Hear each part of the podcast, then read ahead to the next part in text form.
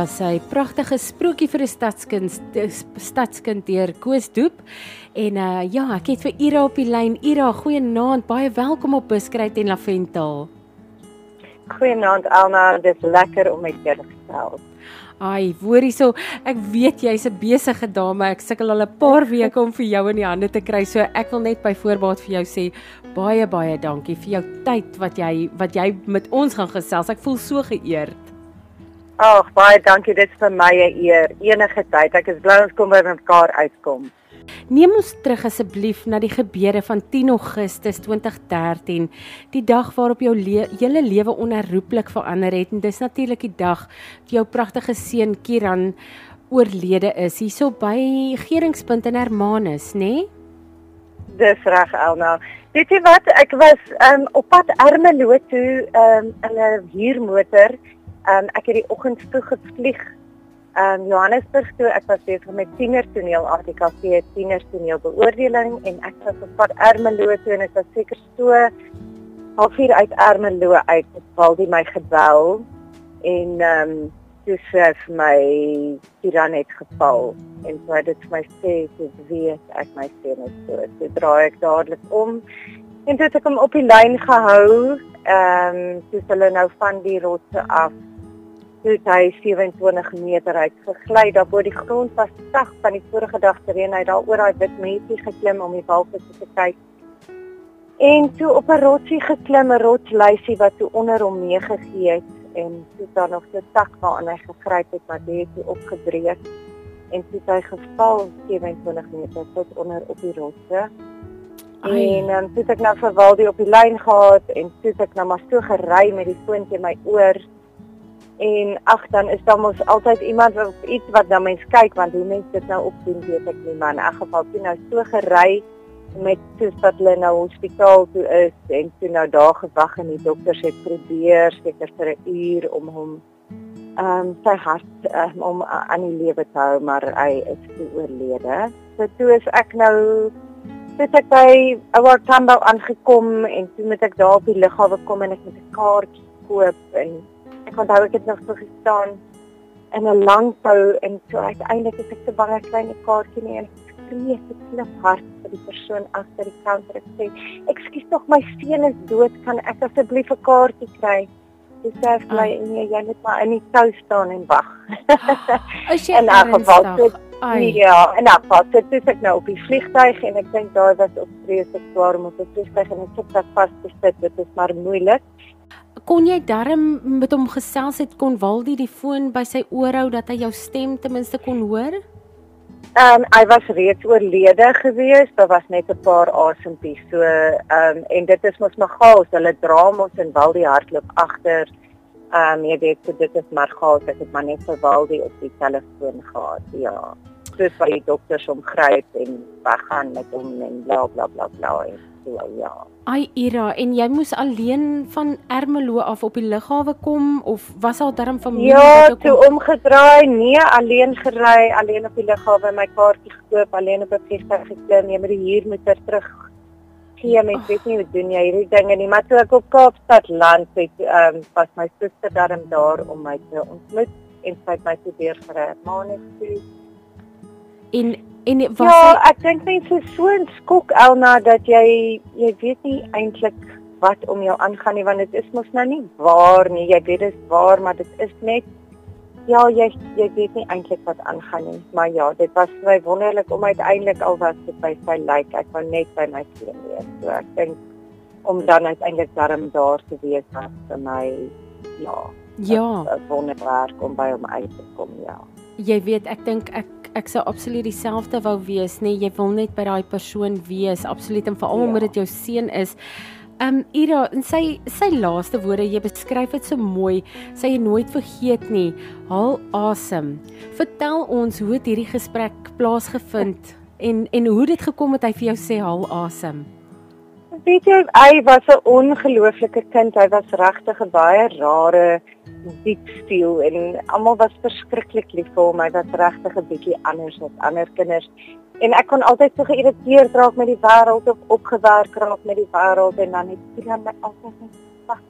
En dan druk hy my styf vas aan sy mamma. al net asem. Just breathe. Oh. En hy is die enigste mens in die wêreld wat my so kon kalmeer en die Vrydagmiddag toe ek nou 'n plan maak dat Lermanus toe kan gaan want Waldie het 'n show daar gehad. Want ek het nie geweet waar moet ek hulle pos vir die naweek nie want ek sê Johannesburg sit hier staan nou 'n plan en dit chaos en ons moet tasse pak en dis net chaos en toe vat hy my weer so en hy sê mamma hou net asem. Ai, En hou my toe so lank vas. Ja, en dit was ons laaste woorde basies wat die haal met asem. So toe ek nou so 4 jaar na sy dood het ek skielik besef dat ek het nou al so diep geloop deur hierdie rouproses en ek dink mense praat nie eintlik oor die dood van 'n kind nie. Dit is vir mense baie moeilik. Mense bly weg daarvan. Hulle weet nie wat om vir ouers te sê met kinders wat dood is nie. So ek dink ouers met dooie kinders en hulle vriende en hulle familie voel eintlik 'n bietjie verlore in so iets want niemand praat eintlik daaroor nie en niemand weet eintlik wat om te sê nie. En so ek skielik besef maar ek is 'n aktrise. Ek is in die bedryf en ek het 'n dooie kind en so het ek gevoel ek sal my storie op die verhoog sit. So toe het ek in my dagboeke ingetrap en daardie absolute waarheid wat daar lê, het ek toe in 'n verhoogstuk verwerk en ek het onmiddellik geweet die naam is al awesome want dit is wat ek hier dan altyd vir my sê. So, Ai, uh, dit ja. dit klink absoluut wonderlik en uh, ja, met daai talent van jou glo ek dit was dit was 'n meesterstuk, hoor. En ehm dankie. Um, Ira dan in my navorsing oor jou verlies met Kiran, lees ek jy vertel die see gil lekker.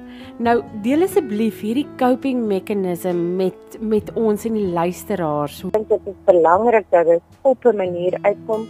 Ek het tennis gespeel. My broer het my na 3 weke op die tennisbaan gehad. Ek dink dit is goed dat die bloed vloei. Ek het tennis gespeel, ek het in die berg gaan stap, ek het langs die see gaan stap en dan gil ek. Ek dink om te gil is ongelooflik. En ek dink as jy so op 'n stil strand kan uitkom vroeg in die oggend waar jy niemand kla nie en dan kan jy so gil in niks in. Dink ek is was vir my 'n ongelooflike um ontlading en 'n release om so te kan skree. Um en jy's nie kwaad vir iemand nie. Nee, dit is nie iemand se skuld nie. Dit is net hierdie verskriklike seer en woede en aakligheid wat binne in jou sit. Ek het in die kar ook altyd so gevoel. Ek gevoel is wonderlik as ek so ry, dan kan ek sommer net so skree, so aaklig skree. Waar niemand jou kan hoor nie en niemand kan skrik vir jou of bang wees vir jou nie. Um, ja. So dit was vir my baie baie helend.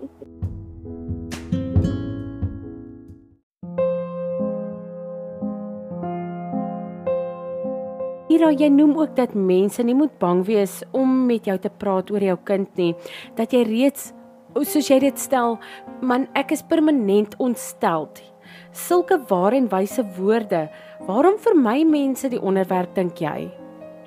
Ag Alma, ek dink ek het vreeslik baie empatie met mense wat om met mense omgaan wat dooie kinders het want ons is moeilike mense. Jy weet jy kan nie sê jy weet daar's so baie goed wat jy nie mag doen nie. Jy moet net nie sê die mooiste blommetjie is gepluk nie en moet net Ja. nie dit sê nie en moet tog net nie dit doen nie en moet tog net nie dit doen nie. So ek, ek het baie empatie met mense. Hulle wonder later nou wat mag ek sê? Jy weet en ek dink mense dink baie keer as jy nou nie die kind se naam noem nie, dan dink daai persoon dalk nie daaraan nie. Die feit is elke ma dink elke dag aan haar kinders. Ek dink net soveel aan my dooie kind as my lewende kind. So ek dink 24 ure 'n dag aan Kira. Hy is deel van my al is hy dood. Ehm um, die enigste verskil is dat niemand meer sy naam noem nie. So dis net ek wat dit noem want dit is net ek ehm um, en almal om my is te bang om sy naam te noem. Hulle dink ek gaan skielik hartseer word. Nee, ek leef al 7 jaar met my dooie kind. Ek is altyd hartseer en vol liefde en alles vir my kind. So die oomblik as jy sê, "Haai, Kiran het mos dit gedoen," dan is dit vir my 'n wonderlike ervaring dat iemand my kind se naam noem want ek hoor dit nooit meer nie, maar hy is steeds my kind. En ek dink enige ouer voel so. Jy weet, dit is nie asof jy ons skielik gaan hartseer maak of ons skielik aan ons kinders gaan dink nie. Jy dink die hele tyd aan jou lewende kind. Ons dink die hele tyd aan ons dooie kinders. Hulle is deel van ons vir altyd tot die dag wat ons doodgaan. So ek dink net dit is belangrik dat mense hoef nou nie 'n punt daarvan te maak nie. Maar as die kind by jou opkom, noem dit. Dit is nie vir ons 'n skok nie. Dit is vir ons lieflik om hulle name te hoor, want hulle is nog steeds deel van ons. Ai, dit is sulke waar woorde, hoor Ira, absoluut so mooi. Jy en jou man Waldie, nê? Julle is al 27 jaar getroud. Baie baie geluk. Dit was sommer wat gister of eergister? Nee, so 'n paar dae gelede 'n leeftyd by mekaar. Ai, ja man. en ehm um, soos jy sê, hy was by toe ehm um, Kiran sy laaste asem uitblaas. Ehm um, vertel vir ons hoe verskil julle rouproses van mekaar en hoe dit julle verhouding affekteer? Ja, kyk, ek praat nie eintlik oor Waldie se rouproses nie, ek praat oor myne. Ehm um, maar ek dink wat gebeur is ek weet mense die een ding wat hulle vir jou sê is onthou net uh, dis iets 2% van huwelike wat dit oorleef nadat 'n kind dood is so dis nog 'n statistiek wat mense in jou gesig gooi wat jy self is. Nee, okay, jy's nou nie beter gesê maar in elk ja. geval, ehm um, wat met ons gebeur het wat ek dink net ongelooflik is, is ek dink in my grootste pyn as ek opgekrul op kamervloer lê en skree en ek kyk op dan is Waldie net daar. Jy weet dit is net iemand wat 'n spasie hou en jou nie probeer regmaak nie en jou nie probeer beter laat voel nie. Niks vir jou probeer doen nie, maar hulle witness dit vir jou, nê. Nee, hulle sit daar en hulle is daar saam met jou in daai hel. Hulle huil nie, hulle probeer nie weet wie jy is nie is dit net daar en ek dink dit is die ongelooflike ondersteuning wat enige geliefde kan gee vir iemand wat deur so iets gaan.